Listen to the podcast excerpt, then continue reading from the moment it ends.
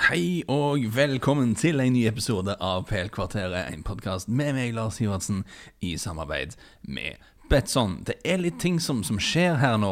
Eh, Bundesliga er tilbake til helgen, det blir kjempespennende. Eh, vi begynner å nærme oss noe i England. Eh, regjeringen har åpna for at det kan bli mulig å spille fotball for tomme tribuner i juni.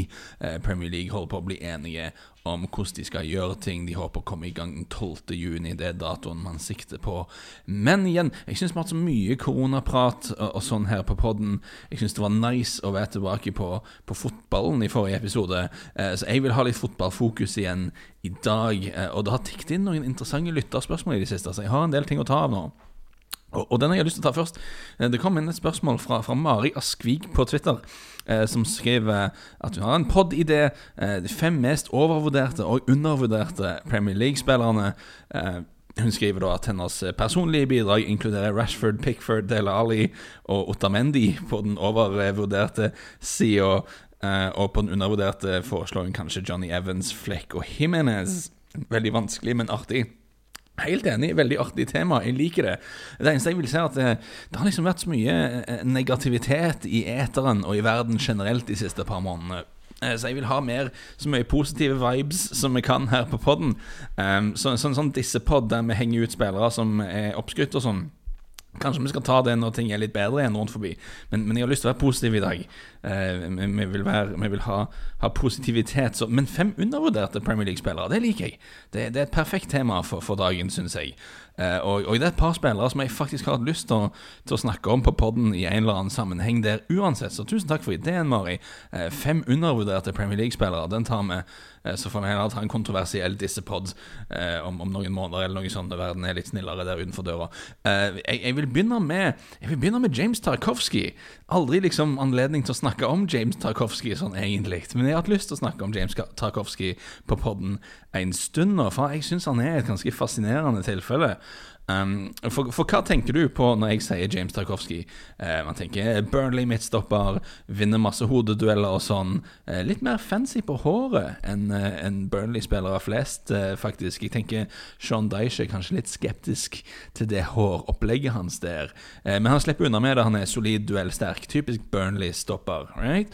det, det er faktisk ingen stoppere i Premier League eh, som vinner flere hodedueller i snitt per kamp enn James Tarkovsky. Eh, men han treffer òg bare på 70% av pasningene sine, eh, så slår ballen litt vekk i hytt og vær. Eh, og det er, ganske, det er, ganske, ille for en stopper å slå vekk ballen så mye, syns jeg. Men selvfølgelig har det med å gjøre at de slår mye langt og direkte i Burnley. Eh, men jeg ser jo, jeg har sett litt på tallene her. Tarkovsky slår eh, Han slår i snitt 35 pasninger per kamp og treffer på 70 av de. Det er jo ikke bra. Vi kan sammenligne med Van Dijk i Liverpool. Slår 85 pasninger i snitt per kamp, treffer på 89% av de. Men det er jo selvfølgelig en helt unyttig sammenligning.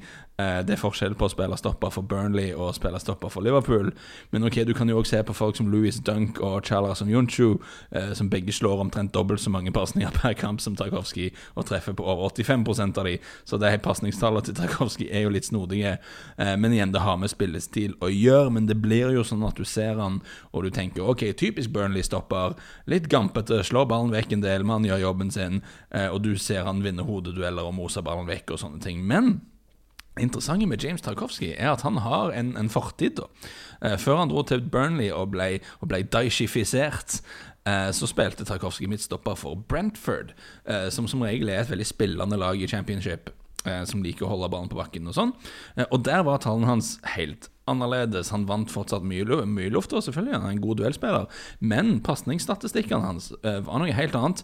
Uh, han lå opp mot uh, 50 pasninger i snitt per kamp, så mye mer involvert, mye mer oppbyggende spill og sånn, ikke bare mos han vekk. Og han traff på rundt, rundt 80% av de, så et mye, mye sunnere tall sånn der. Og, og, det som er snodig da med Tarkovskij Jeg syns pasningstall på stoppere er litt sånn diffus vitenskap, men det er interessant å ha i bakhodet. Men det som er interessant med han der, var at han òg hadde flere vellykka driblinger enn noen andre stoppere i championship. Han lå på 1,3 vellykka driblinger per kamp eh, gjennom hele den siste sesongen hans for Brentford. Og Det høres kanskje ikke så mye ut, eh, men det er et veldig uvanlig tall for en midtstopper. Hvis du ser denne sesongen eh, på alle de fem store europeiske ligaene, så er det kun én spiller, Genoas David Birashi, som har mer enn 1,3 vellykka driblinger per kamp. Og, Birashi har, spilt høyre midtstopper i en sånn treback-system, så det er ikke så rart at han har trukket litt opp i banen. Og til Tarkovskij spilte vanlig stopper i firemannsforsvar i championship, og hadde altså da flere vellykka driblinger enn så å si noen annen stopper i europeisk fotball har hatt denne sesongen. Det er jo litt spesielt, for du, ser, du tenker jo ikke på Tarkovskij som en driblefant. Og, og, det er jo ikke sånn at du på død og liv vil ha midtstoppere som driver og dribler, dribler seg forbi folk i tid og utide. Eh, det, det, det, er ikke nødvendigvis noe man vil ha. Men de tallene fra Brentford-tiden viser jo at det bor en, en, ganske annen spiller i James Tarkovsky enn det vi ser uke inn og uke ut i Burnley. Om, om Burnley-stoppere begynner å liksom gå oppover i banen med ballen og drible seg forbi folk og slå ja da kommer Sean Dyche og kaster det i elva. Altså. sånn får de ikke lov til. Så, så jeg tenker jo at um, når større Premier League-klubber eh, ser seg rundt nå og skal ha midtstopper, eh, så, så, vil de kanskje se på Tarskovskij og tenke ja, ja, han er en fighter og han vinner dueller og sånne ting, men, men, kan han spille for et lag som har ballen mye? Kan han spille for et lag som bygger opp spillet bakfra? Og det ser jo ikke sånn ut hvis du bare ser han for Burnley, eh, men jeg vil jo da si at det er sterke indisier eh, på at eh, James Tarkovsky faktisk også er en bra ballspiller, og, har det i seg å spille en helt annen type form for fotball. Så nå vet jeg jo ikke helt hvordan overgangsmarkedet blir etter koronatiden, men før denne krisen så var det jo sånn at toppklubbene drev og brukte sånn 80 millioner pund pluss på en god midtstopper. Burnley selger seg sikkert ikke billig, men jeg tror du skal kunne få James Tarkovsky for veldig mye mindre enn det, og jeg tror han kan rett og og slett være en, en smart mann å se på, selv for topp seks-klubbene. Altså. Veldig fan av Tarkowski. Tror han ville vært et smart kjøp for en eller annen klubb. neste undervurderte spiller.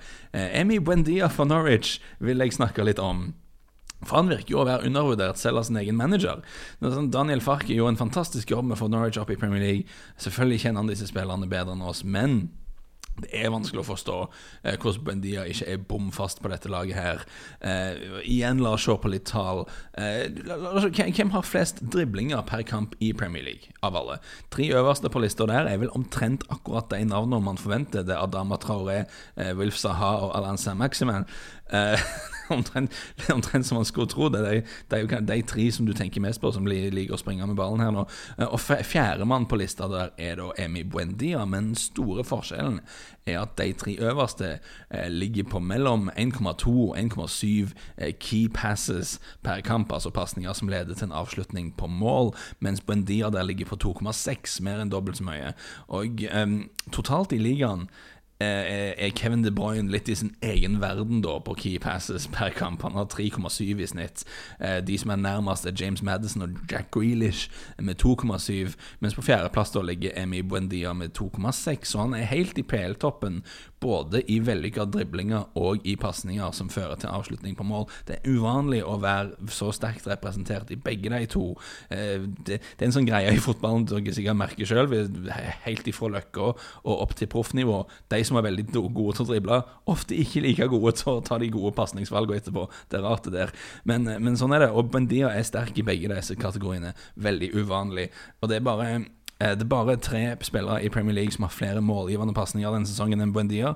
De Bruyne som har 16 målgivende pasninger, det er jo helt sinnssykt. Men eh, Trent Alexander Arnold med 12 og Riyad Mahrez med 8. Så har du Buendia og en haug med andre spillere med 7 målgivende. Dette er tall som jeg har sett på fra nettsiden whoscored.com, som jeg bruker litt av og til. Eh, Sky Sports har òg eh, sett litt på Buendia-tall og, og, sett at ok, det er Kevin, bare Kevin De Bruyne som skaper flere sjanser per 90 minutter enn Buendia. Jeg jeg vet ikke helt hvordan du definerer en sjanse. Jeg syns det er litt diffust, jeg. Men dere skjønner poenget her.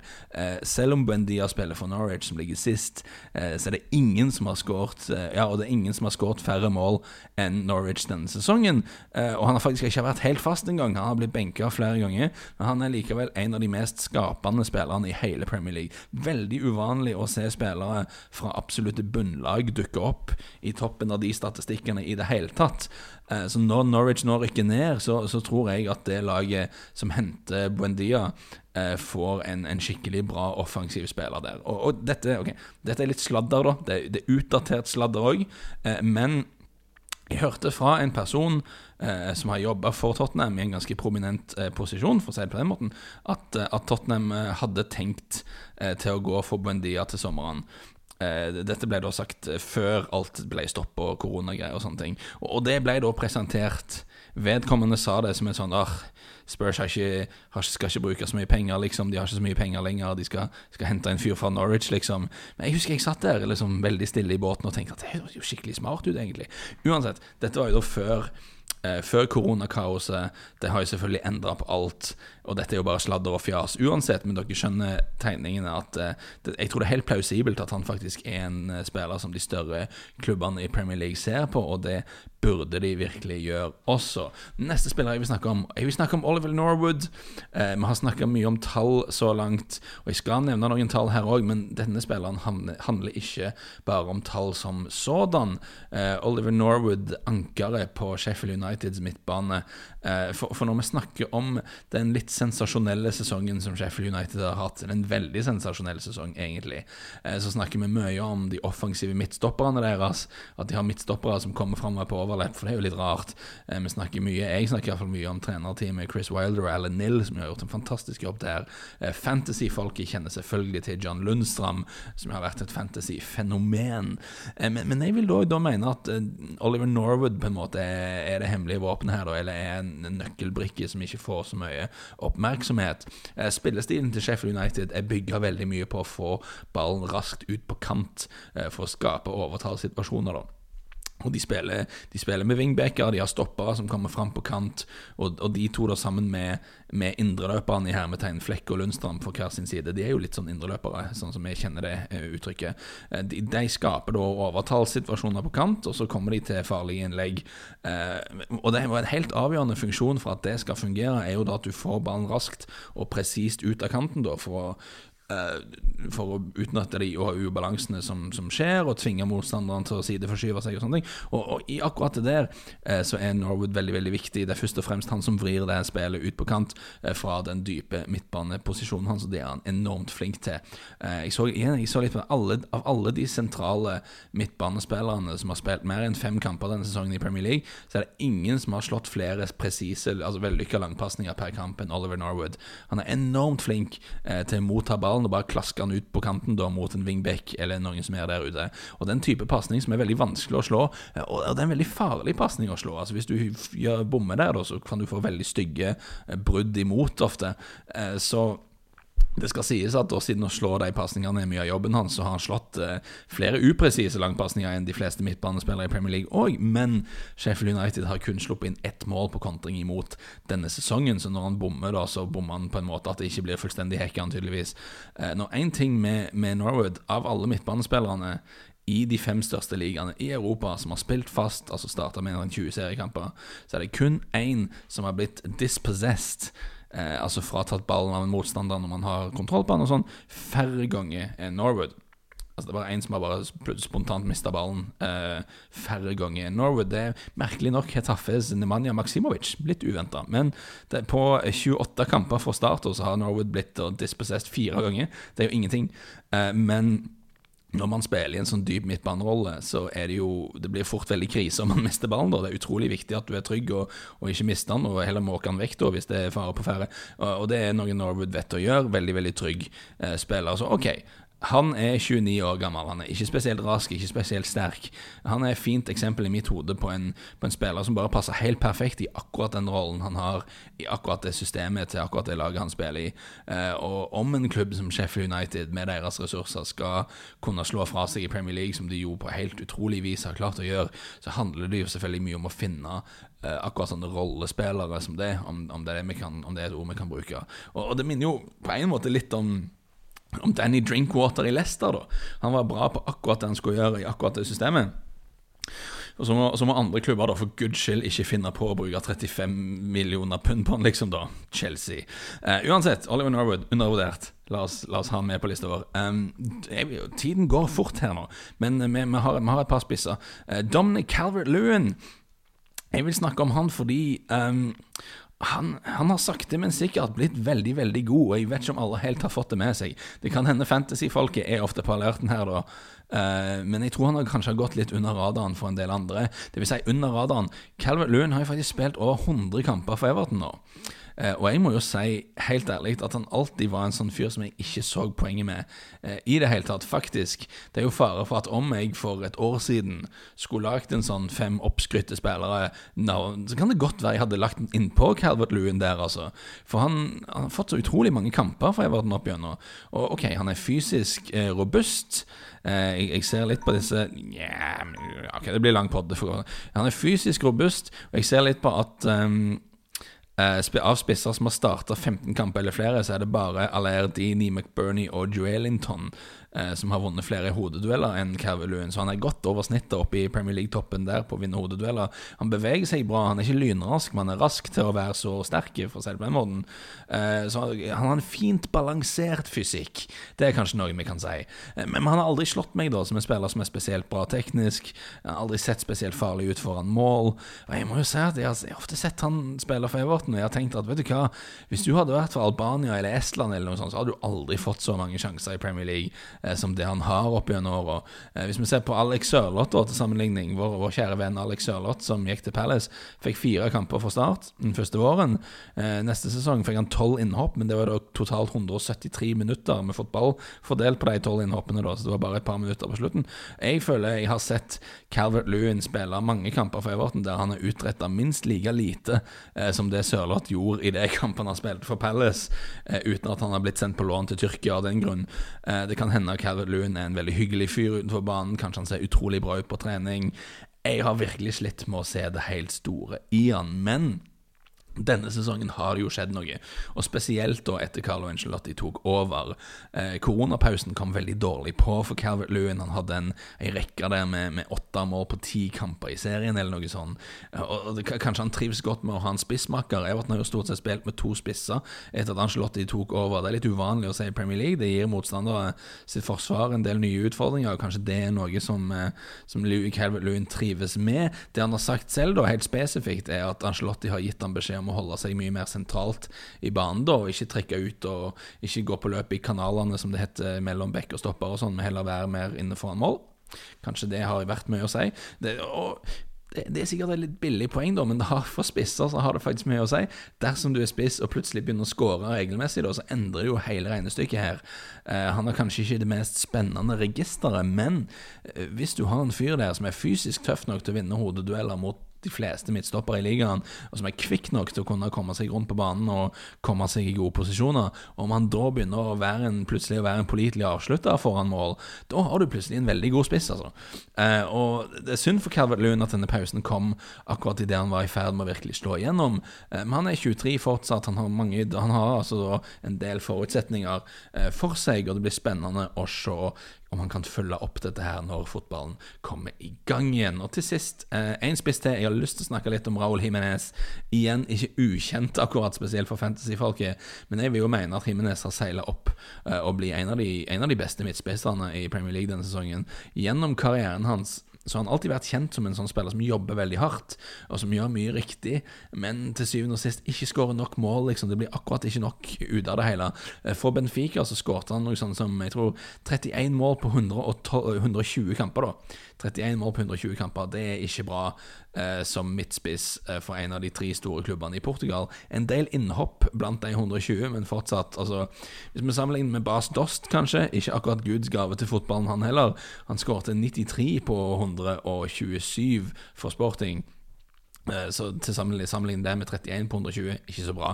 Så før Benfica så spilte Raúl Jiménez for Atletico Madrid i en sesong, og der var det ett mål på 28 kamper. Igjen, en del av de var innhopp, men dette er ikke bra tall. Og han var alltid en sånn spiller som du så Du ser han jobber hardt, han har en del kvaliteter, han virker som en bra fyr, men det er liksom ikke nok. I Wolves har det vært mye bedre. Han står nå med 39 mål på 88 kamper, men òg da 18 målgivende. Så du nærmer deg 60 poeng på 88 mål, 60 øh, målpoeng på 88 kamper der. Det er jo ikke ille i det hele tatt. Og når du har en fyr som bidrar veldig mye, i form av at han jobber skikkelig godt uten ball, øh, springer mye, god til å gå i press og sånn, han har bra touch og han har nok fysikk til at du kan bruke han som oppspillpunkt, enten han vinner litt i lufta, men han er bra til å liksom bare komme, komme, og møte, og du kan bruke han til å, til å bygge opp spill og sånn. Han er bevegelig til å være såpass stor. Han er faktisk 1,90 høy, da, men, men, men springer godt. Så du har en veldig komplett komplett spiss der. Og det er jo ikke helt sånn eh, Aguero eller Jamie Vardy-tall på han. Vardy denne sesongen, i hvert fall. Eh, men jeg lurer jo veldig på at dersom han spilte for et lag som var litt mer offensiv enn det Wolves er, eh, som har ballen litt mer og skaper litt mer sjanser Jeg tror at om Jimenez kunne spilt fast på topp for et topp seks-lag en hel sesong, så hadde han skåret en haug med mål. altså Jeg tror det hadde blitt veldig bra. Det spørs om vi får se det noen gang. Han er 29 nå. Wolves har pengesterke folk i ryggen, som vi jo har snakket om en del på podkasten her. Eh, det, han, de er neppe en enkel klubb å hente spillere fra i årene framover. Eh, dette koronagreiene kommer nok òg til å være en faktor. Jeg er veldig usikker på hvordan eh, framtiden blir på overgangsmarkedet, men jeg tror ikke det er veldig mange klubber eh, som kommer til, å være, eh, kommer til å stå i kø for å bruke hundrevis av millioner på en 29 år gammel Raúl Jimenez i løpet av de neste par vinduene. Men det er jo kjekt for Wolves da, at de har funnet en skikkelig bra og, og nokså komplett midtspiss, egentlig, som de kan bygge hele prosjektet sitt rundt eh, de neste par årene. Eh, det er jo ikke lett å finne bare det. Jeg syns uansett Rimenes fortjener omtale som en av fem undervurderte Premier League-spillere. Podden har blitt altfor lang nok en gang. Eh, han ble jo det. Um, det, det, lå litt i kortene når jeg skrev notater til denne. her Det var altfor mange notater. Det, det, kunne jo ikke gå på 15 minutter, dette her. Uansett, på slutten Bundesliga er tilbake! Eh, jeg gleder meg veldig til dette her, jeg. Eh, selvfølgelig, vi syns jo det, mens vi som hører på denne poden, tenker nok helst hadde vært enda kjekkere med Premier League tilbake, men Bundesliga er ikke dumt, det er heller. Veldig morsom liga å følge. Eh, og det er såpass kult med Bundesliga tilbake at da da skal vi fyre opp disse oddstipsene mine igjen gått greit i overskudd så langt denne sesongen, før pausen. Jeg syns det har gått riktig bra. Både jeg og regnearket mitt syns det har gått riktig bra. Så, eh, så, vi skal fortsette med dette. Eh, og for dere som ikke husker hvordan det funker, så så kommer jeg fram til tre singelspill hver uke og en trippel som jeg legger ut på Betson-bloggen. Eh, Betson øker oddsen på trippelen, så der er det ofte skikkelig verdi å hente. Og jeg tar ofte og nevner et par av spillene her på podden, da, bare for å gi dere en idé av hva, hva, det er vi holder på med. Jeg kan veldig raskt ta ett av spillene jeg liker fra Bundesliga nå til helgen. Det blir veldig interessant å se hvordan dette med tomme tribuner påvirker ting. Jeg har skrevet en artikkel om akkurat dette her som dukker opp på Betson-bloggen enten torsdag eller fredag, men kort forklart, jeg tror at du får mye mindre hjemmefordel jeg tror òg at den veldig eh, sterile atmosfæren du får da uten tilskuere, kan kanskje være en liten fordel for å få teknisk ryddige lag, da. Eh, mens jeg tror kanskje lag som spiller litt mer tut og kjør-fotball, som, som, løper rundt og satser på å vinne dueller og sånn, når de ikke får energi fra tribunen og sånn, jeg tror det kan være et minus for dem. Det, det er min teori, iallfall. Vi får se det, hva som skjer i praksis. en av de første kampene jeg skal ha spill i, er på mandag kveld. Leverkosen skal til Bremen og, og spille mot Werder Werder Bremen. Werder i grusom form før koronapausen. Én seier, én uavgjort og ni tap på de siste elleve i serien før fotballen ble stoppa. Like greit for dem at fotballen ble stoppa, men, eh, men, jeg tror ikke de har hatt noen stor fordel av det heller, fordi Werder var det siste laget i Bundesliga som fikk lov å begynne å trene igjen. De har ikke fått lov å begynne å trene samtidig, eh, fordi Tyskland, som dere kanskje vet, er en føderasjon eh, som veldig mye sånne ting blir bestemt på regionalt nivå, og Werder var altså da det siste laget som fikk lov til å begynne å trene vanlig. Så de har hatt mindre tid til å forberede seg enn andre klubber. Det var snakk om at de hadde lyst til å prøve å få utsatt eh, den første runden fordi at det var urettferdig og sånn. Eh, her skal de da ta imot Leverkosen, som sto med ni seire og én uavgjort på sine ti siste i alle turneringer før pausen. God form da. Det trenger ikke bety så mye, men eh, de er et lag med mye tekniske kvaliteter i laget, mye tempo. Det er akkurat et sånn type lag som i mitt hode bør kunne trives da i, i, foran tomme tribuner, ryddig med ballen i, ballen i beina og sånn. Werder Bremen har hjemmefordel, men igjen, jeg vet ikke hvor mye fordel det egentlig er når Leverkosen er et mye bedre fotballag enn de. Det var iallfall det for pausen. Så jeg tenker da at eh, 1,72 i odds på en borteseier her til Bayer Leverkosen skal være veldig spillbart. Det, det, der skal jeg være inn på sjøl, iallfall. Eh, jeg blir sjokkert eh, om eh, Jeg blir iallfall jeg, jeg, jeg tror jeg tror vi skal få en liten dropp på den òg. Jeg blir overraska om den står til 1,72 helt inn til kampen. Jeg vil tro at vi skal enda litt lenger ned på oddsen der. Vi får se. Uansett, sjekk ut de andre spillene jeg har kommet fram til òg, pluss uken trippel på Betson-bloggen. Takk for følget nå. Vi snakkes igjen snart.